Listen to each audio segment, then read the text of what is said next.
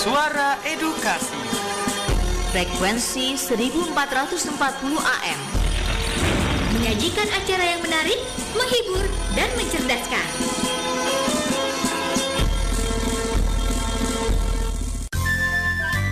Waktu berputar dan perjalanan peristiwa pun berjalan. Ikuti terus info edukasi, sebuah informasi pendidikan dari Radio Edukasi. Info Edukasi, informasi pendidikan Radio Edukasi. Langsung dari Jalan RM Marta Dinata Ciputat 1440 AM Suara Edukasi Akrab dan Mencerdaskan. Halo halo halo. Assalamualaikum warahmatullahi wabarakatuh. Selamat siang Agung Ramadi kembali menyapa Suara Edukasi hari ini Dan tentunya info edukasi akan hadir kurang lebih 30 menit ke depan. Dan sahabat edukasi Berikut informasi-informasi yang akan hadir di info edukasi hari ini Yaitu terkait Kemendikbud menyalurkan bantuan bagi korban banjir di Kalimantan Selatan dan juga ada informasi terkait kolaborasi kedai reka bumdes dan desa. Ada pula informasi raker perdana. Ini Kemendikbud melakukan rapat kerja bersama DPR membahas program prioritas pendidikan di 2021 dan juga akan hadir informasi dari Ditjen Dikti terkait program bangkit di tahun 2021.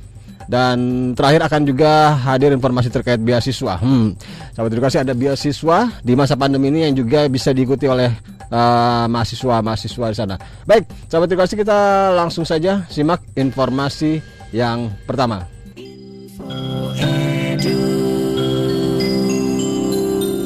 Informasi pertama, sahabat edukasi ini datang dari uh, Dirjen Dikti yang sudah melakukan sosialisasi program bangkit tahun 2021 di mana program Bangkit ini tentunya sahabat edukasi adalah program pendidikan yang ditujukan untuk mahasiswa yang ingin mempelajari dasar-dasar machine learning pemrograman Android atau juga cloud computing dan juga akan ditawarkan melalui kampus Merdeka untuk memiliki untuk memilih siswa yang memenuhi syarat tahun eh, ini di seluruh Indonesia dan terbuka untuk 3.000 peserta. Siswa yang terpilih akan mengikuti pengalaman belajar online bangkit selama 18 minggu yang akan dimulai di Februari 2021. Sahabat edukasi bangkit adalah program kesiapan karir yang dibuat oleh Google dan juga dijalankan dengan dukungan dari berbagai perusahaan seperti Gojek, Tokopedia, Traveloka, Deep Tech Foundation dan program ini dirancang untuk memberi peserta paparan langsung dengan praktisi dari industri dan akan mempersiapkan peserta dengan keterampilan yang relevan untuk karir yang sukses di perusahaan teknologi terkemuka. Direktur Pembelajaran dan Kemahasiswaan Aris Junedi berikut akan menyampaikan uh, informasinya terkait sosialisasi yang sudah dilakukan oleh Dirjen Dikti di uh, 9 Januari lalu. Saat ini ya kita sedang menghadapi tantangan peradaban yang luar biasa. Ya kita ada Society 50 di abad 21 ini ada disruptive teknologi, revolusi industri 4.0, dan baru saja sejak bulan Maret 2020 kita hampir satu tahun yang mengalami pandemi COVID ini dan semoga ini segera berlalu dan kembali ke uh, kehidupan yang uh, normal tanpa pandemi uh, lagi. Amin. Terkait dengan tantangan peradaban tersebut, ya kemajuan teknologi yang berjalan dengan sangat cepat dan dinamis ini mendorong kita untuk terus berusaha menyesuaikan diri baik dari sisi pengetahuan dan kompetensi untuk mampu bersaing dalam masyarakat global yang hampir tidak ada batasan saat ini. Pencapaian inovasi dalam bidang sains dan teknologi ini akan mampu menjadi penggerak perubahan suatu bangsa melalui semangat kampus merdeka dengan program studi atau proyek mandiri, proyek independen, mahasiswa berkesempatan untuk mendapatkan kompetensi tambahan tersebut melalui pembelajaran dan pelatihan intensif selama satu semester. Dengan proyek nyata aplikasi machine learning di masyarakat, program Bangkit ini memberikan kesempatan bagi mahasiswa kita untuk memperoleh pelatihan dalam bidang teknologi digital yang proses pembelajarannya diakui bisa setara atau senilai dengan 20 kredit. Serta mikrokredensial yang difasilitasi langsung oleh Bangkit dan program Bangkit yang dimotori oleh Google, Gojek, Tokopedia dan Traveloka ini menawarkan tiga program pelatihan dan pembelajaran, yaitu Machine Learning, Mobile Development, Cloud Computing. Dalam penyelenggaraannya, program Bangkit 2021 ini, kita mengajak ataupun kita disupport ataupun mendapat support dari 15 perguruan tinggi yang akan menjadi host untuk tahun 2021 ini.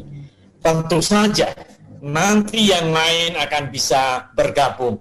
Tapi untuk tahun ini kita akan menjadi host ada 15 perguruan tinggi di antaranya Universitas Indonesia, Udayana, ITS, ITB, IPB, UNY, UT, UNPAD, UB, Universitas Gunadarma, Telkom University, Universitas Dian Nuswantoro, Institut Teknologi Harapan Bangsa, dan yang ke-15, Universitas Bina Nusantara. Direktur Pembelajaran dan Kemahasiswaan Aris Junaidi yang melakukan informasi, e, memberikan informasi terkait sosialisasi program Bangkit tahun 2021 di kanal YouTube pada 9 Januari 2021 lalu. Oke, sahabat edukasi masih ada informasi edukasi lainnya. Tetap di suara edukasi yang akrab dan mencerdaskan.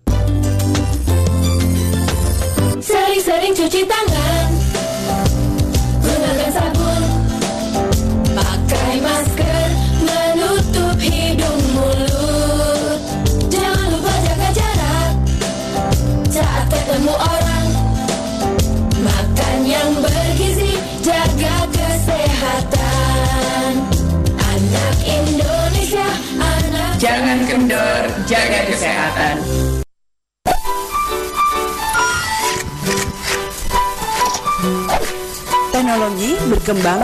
waktu. Apa persiapan kita untuk masa depan anak didik? Mereka lahir pada era teknologi. Sudahkah kita persiapkan diri? Pendidikan 4.0 sambut tantangan baru. Tinggalkan pembelajaran monoton yang membosankan. Memanfaatkan TIK dan inovasi dalam pembelajaran. Teknologi lahir dari pendidikan. Sudah selayaknya kita manfaatkan. Mari kita mulai search Rumah Belajar Kemdikbud. Belajar.kemdikbud.go.id. Manfaatkan untuk pembelajaran. Belajar di mana saja, kapan saja, dengan siapa saja. Belajar untuk semua.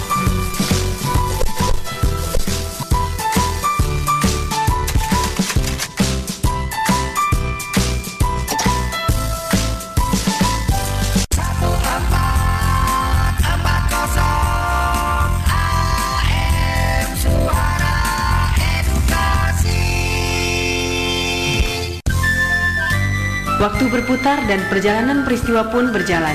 Ikuti terus info edukasi, sebuah informasi pendidikan dari Radio Edukasi.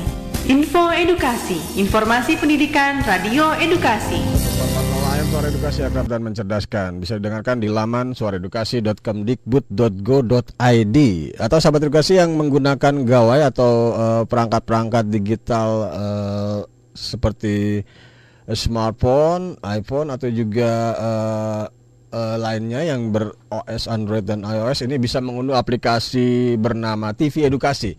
Maka suara edukasi bisa dengarkan 24 jam non-stop asal tentunya sahabat edukasi terhubung dengan paket data atau paket internet.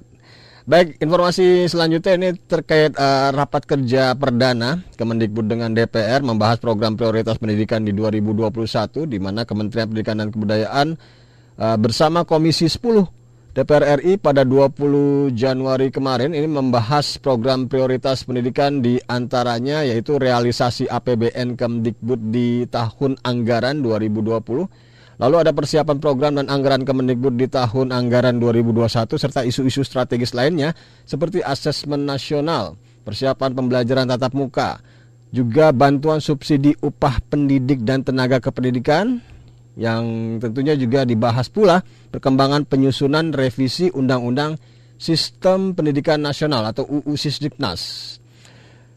Sekjen Kemendikbud, PLT Sekjen Kemendikbud Ainun Naim menyebutkan ke apa informasinya di tahun anggaran 2020 ini bisa direalisasikan sebesar 91,61 persen dan ditambahkan pula bahwa terjadi perubahan terkait program dan anggaran di Kemendikbud di tahun anggaran 2021.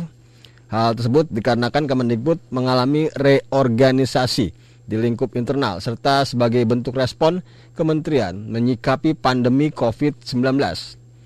Ainun Naim menyampaikan di 2021 performa Kemendikbud dinilai lebih siap karena proses restrukturisasi sudah selesai. Selain itu di tahun ini di 2021 Kemendikbud juga selesai akan selesai menetapkan berbagai pejabat pelaksana untuk perbendaharaan.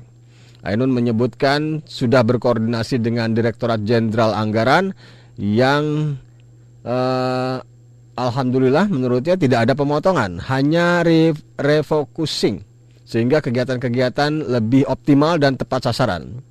Dan untuk diketahui sahabat edukasi, pagu untuk anggaran pendidikan memang 20% dari APBN yaitu sebesar 550 triliun rupiah. Namun Kemendikbud mengelola sebanyak 14,8 persen atau sekitar 81,5 triliun rupiah. Sesuai amanat undang-undang, anggaran pendidikan turut dikelola oleh berbagai kementerian lembaga lainnya yang menjalankan fungsi pendidikan, seperti Kementerian Agama.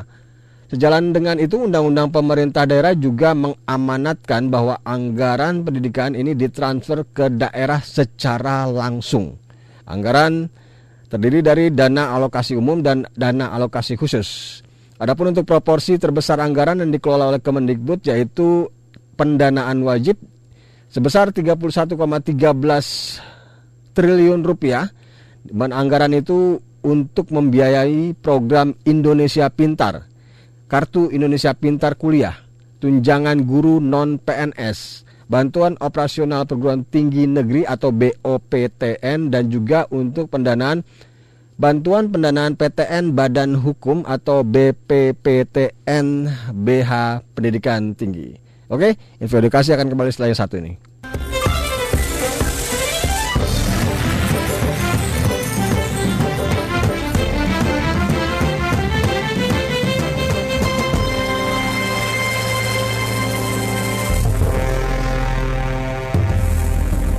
Galeri Nasional Indonesia adalah museum seni dan pusat pameran karya-karya seni rupa terbaik Indonesia dan mancanegara.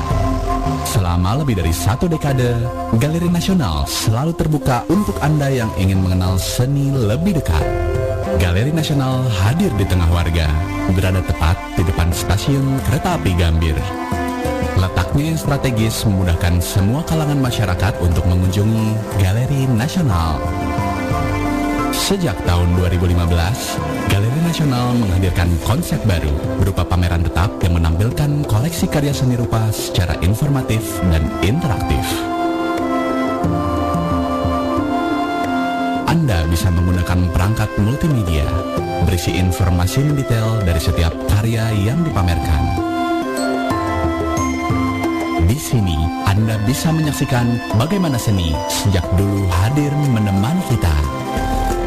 Melalui seni, kita bisa melintasi sejarah negeri ini. Dari era perintisan seni modern Indonesia, Moi Indi, Persagi, Sanggar Seni, hingga era seni rupa kontemporer. Dalam pameran tetap Galeri Nasional, seni menjadi perekam sejarah sebagai representasi memori kolektif. Melalui berbagai medium yang ditampilkan, seni menjadi sarana bagi kita untuk memahami dan mencintai budaya bangsa. Dalam pameran ini, ekspresi seni menjadi cerminan bagi hari-hari yang sudah, sedang, dan akan terjadi. Di antara gedung-gedung peninggalan zaman kolonial, terdapat juga berbagai fasilitas, dari kafe, perpustakaan, hingga toko seni rupa. Sebagai ruang rekreasi dan edukasi, Galeri Nasional adalah ruang berbagi dan menikmati seni bersama sahabat dan kerabat Anda. Anda akan selalu punya banyak cerita setiap berkunjung ke Galeri Nasional Indonesia. Galeri untuk seni rupa modern dan kontemporer. Melihat lebih dekat, Galeri Nasional Indonesia.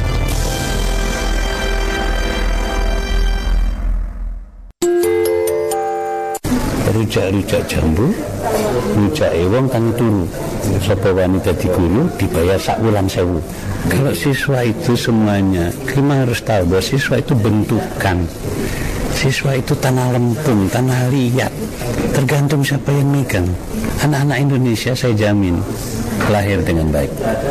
Halo saya Selamat Raharjo selamat mendengarkan radio suara edukasi akrab dan mencerdaskan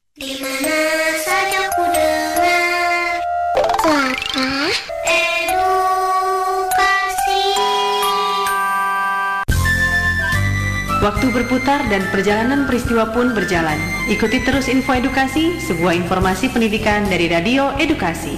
Info Edukasi, informasi pendidikan Radio Edukasi. Info edukasi di 1440 AM akrab dan mencerdaskan. Baik, kita lanjut untuk informasi Kemendikbud yang menyalurkan bantuan bagi korban banjir di Kalimantan Selatan yang melanda provinsi ini sejak 12 Januari 2021 mengakibatkan 1.385 sekolah di 13 kabupaten kota yang terdampak mengalami kerusakan. Data per 21 Januari 2021 Kementerian Pendidikan dan Kebudayaan melalui Lembaga Penjaminan Mutu Pendidikan atau LPMP di Kalimantan Selatan ini telah menurunkan tim untuk membantu para eh, korban dalam memenuhi kebutuhan pokok dan tentunya kepala eh, PLT Kepala Biro Kerjasama dan Hubungan Masyarakat Kemendikbud Hendarman menyebutkan informasi eh, bencana banjir melalui rekan-rekan LPMP langsung turun ke lapangan melakukan koordinasi pendataan dan kebutuhan bagi satuan pendidikan, pendidik dan tenaga pendidikan serta siswa yang terkena dampak banjir.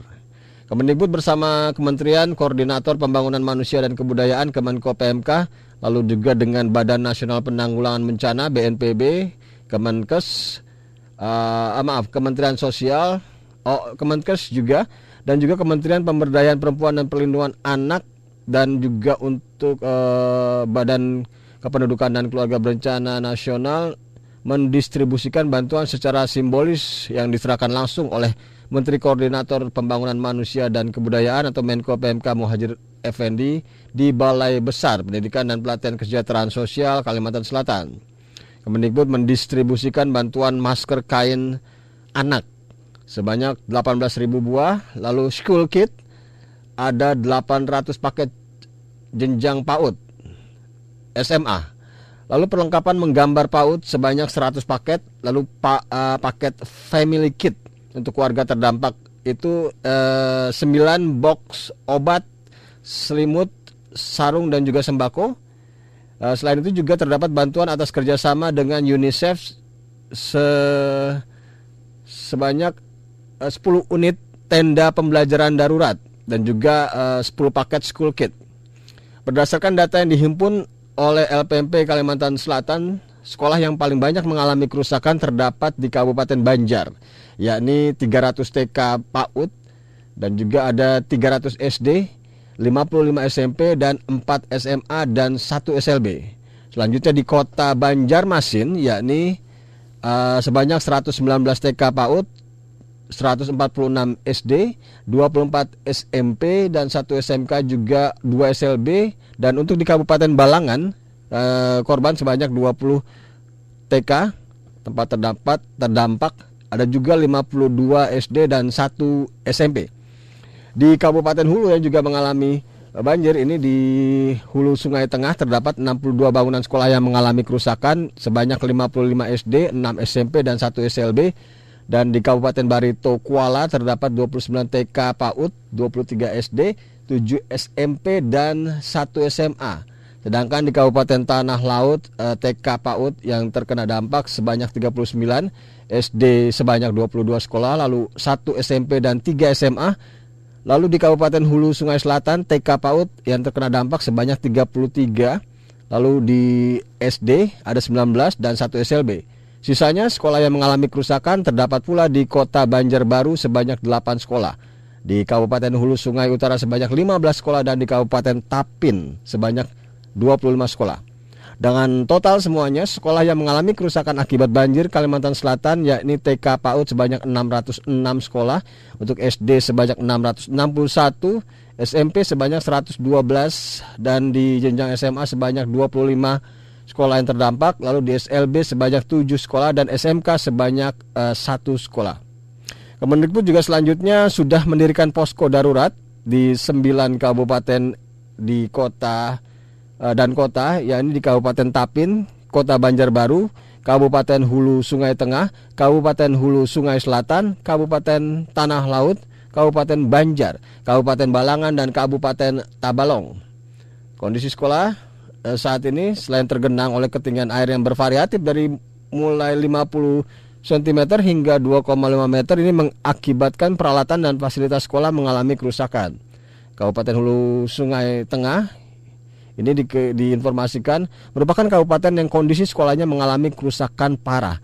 Di antaranya di SDN Bulayak dengan kondisi sekolah hampir seluruh ruangan roboh.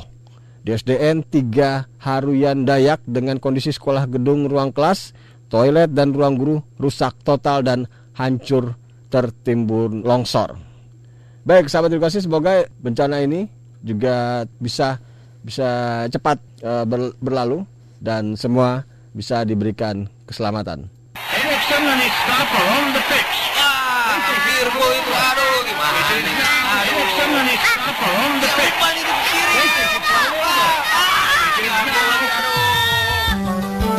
Iklan deh. Kak Agung, kakak tahu nggak sih Piala Dunia pertama itu kapan? Memangnya kenapa? Nggak apa-apa, aku penasaran aja. Sejak aku kecil sudah ada pertandingan sepak bola. Tetapi sampai sekarang aku belum tahu Piala Dunia ini kapan diadakan pertama kali. Makanya belajar sejarahnya dong. Jangan hanya menyukai pertandingannya saja. Aku beritahu ya, Piala Dunia atau FIFA Cup pertama kali diadakan pada tahun 1930 di Uruguay. Oh, negara mana saja yang bergabung, Kak? Terus siapa yang menang? Negara yang bergabung saat itu adalah Belgia, Prancis, Rumania, Yugoslavia, Meksiko, Amerika Serikat, Argentina, Paraguay, dan tentunya Uruguay sendiri. Yang menang adalah sang tuan rumah yaitu Uruguay setelah mengalahkan Argentina dengan skor 4-2. Wah, hebat ya kakak. Pengetahuannya luas banget. Iya dong, makanya belajar, jangan main terus. Saya Uli Hari Rusadi, dulu orang kenal saya dengan Uli Siga Rusadi, khusus kepada para pendengar tercinta dari Radio Suara Edukasi, luar biasa edukasi ini, saya ingin menyampaikan kepada seluruh generasi muda tersayang, agar mari kita mencintai negara kita, mari kita bernegara dengan cara yang baik dan benar, karena kita adalah tunas-tunas bangsa yang menjadi harapan uh, pembangunan Indonesia ke depan. Oleh karena itu, marilah kita sebagai bangsa, sebagai generasi muda mempelajari banyak pelajaran, banyak wawasan, banyak pendidikan dan kita mau berkiprah nyata untuk hal-hal yang sifatnya positif. Saya kira demikian. Mari kita bersatu untuk membela bangsa dan negara kita. Selamat mendengarkan Radio Suara Edukasi yang akrab dan mencerdaskan. Suara Edukasi. Waktu berputar dan perjalanan peristiwa pun berjalan. Ikuti terus info edukasi, sebuah informasi pendidikan dari Radio Edukasi. Info Edukasi, informasi pendidikan Radio Edukasi. Dari Jalan RE Marta Dinata Ciputat 1440 AM Suara Edukasi Akrab dan Mencerdaskan. Baik sahabat edukasi, sebelum kita masuk ke informasi beasiswa ini ada informasi terkait kolaborasi kedai reka dengan BUMDes dan desa. Apa itu BUMDes? Dan tentunya ini dalam rangka kesejahteraan masyarakat program Kampus Merdeka dan Kedai Reka berkolaborasi dengan BUMDes, Badan Usaha Milik Desa dan Desa untuk pengembangan serta upaya revitalisasi BUMDes. Hal itu dirangkum dalam sebuah acara bertajuk Kick Off kolaborasi BUMDes Industri Kampus 2021 dilaksanakan atau diberlangsungkan pada Kamis 21 Januari yang dilakukan secara virtual dengan program Kedai Reka siap mendukung scale up program BUMDes dan berbagai mitranya seperti BRI, Softed, BUMDes, BUMDes Nusantara, Sari Husada dan perguruan tinggi yang menjalin kerjasama melalui MOU. Dirjen Pendidikan Tinggi Nizam di acara tersebut menyebutkan bahwa perguruan tinggi harus cepat beradaptasi dengan perubahan yang pesat dan perubahan pola-pola harus dilakukan seperti mahasiswa yang dahulu mungkin berada dalam lorong-lorong yang sempit di dalam program studinya kini menuju pada pembelajaran yang lebih luas untuk mewujudkan setiap potensi yang ada di negeri ini. Nizam juga memaparkan saat ini kita juga berada pada beberapa hal yang harus dihadapi yang disebut sebagai mega trend dunia di mana beberapa hal tersebut antara lain perubahan geopolitik, demografi dunia, urbanisasi global, perdagangan internasional, keuangan global, kelas pendapatan menengah, persaingan sumber daya alam, perubahan iklim, dan juga kemajuan teknologi.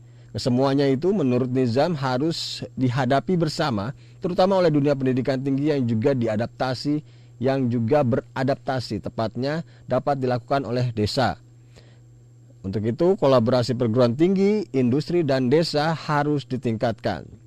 Nizam, Direktorat Jenderal Pendidikan Tinggi Kementerian Pendidikan dan Kebudayaan mengalokasikan khusus untuk program Kedai Reka sebagai dana pendamping sebesar 250 miliar rupiah dan hal itu dibuka bagi mitra-mitra industri yang peduli dengan pembangunan desa. Niza menegaskan kita harus bergandengan tangan, berkolaborasi, bergotong royong membangun negeri dimulai dari pendampingan, pengelolaan dan peningkatan keahlian dan kapasitas pengurus BUMDes untuk meningkatkan sumber daya alam dan kerjasama dengan industri. Nizam juga menambahkan kedai reka hadir untuk menggandeng tangan-tangan teman di BUMDes yang mungkin bisa dioptimalkan lebih lanjut dan berkolaborasi dengan perguruan tinggi yang memiliki ide, pemikiran, riset, dan pengembangan serta sumber daya manusia. Di saja ku dengar edukasi.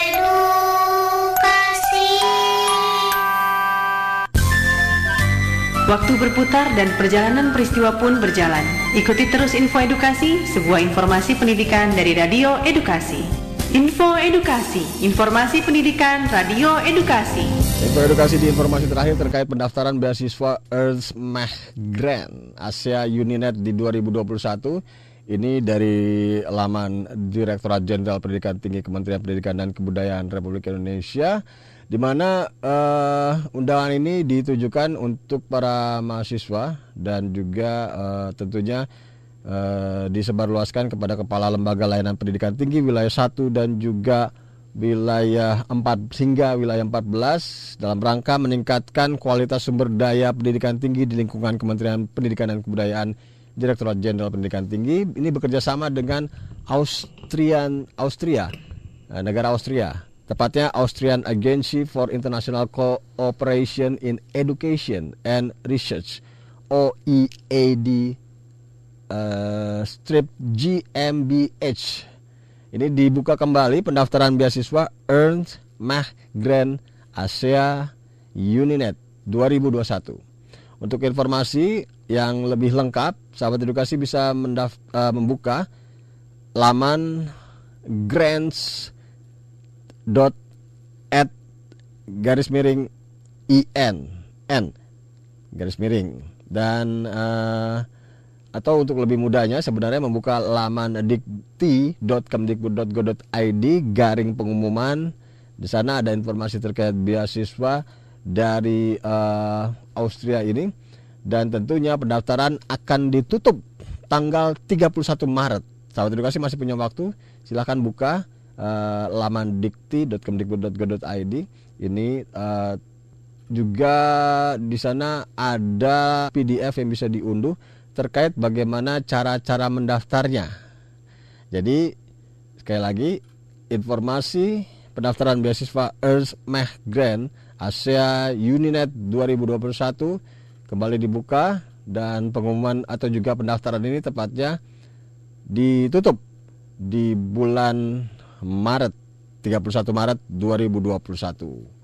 Oke sahabat edukasi informasi beasiswa tadi menutup kebersamaan kita di Info Edukasi hari ini. Selain ini ada program lain yang juga tentunya menarik untuk tetap disimak, menarik untuk tetap didengarkan. Stay safe sahabat edukasi, tetap jalani protokol kesehatan, lakukan 3M dan tetap bahagia tentunya. Wassalamualaikum warahmatullahi wabarakatuh. Bye bye.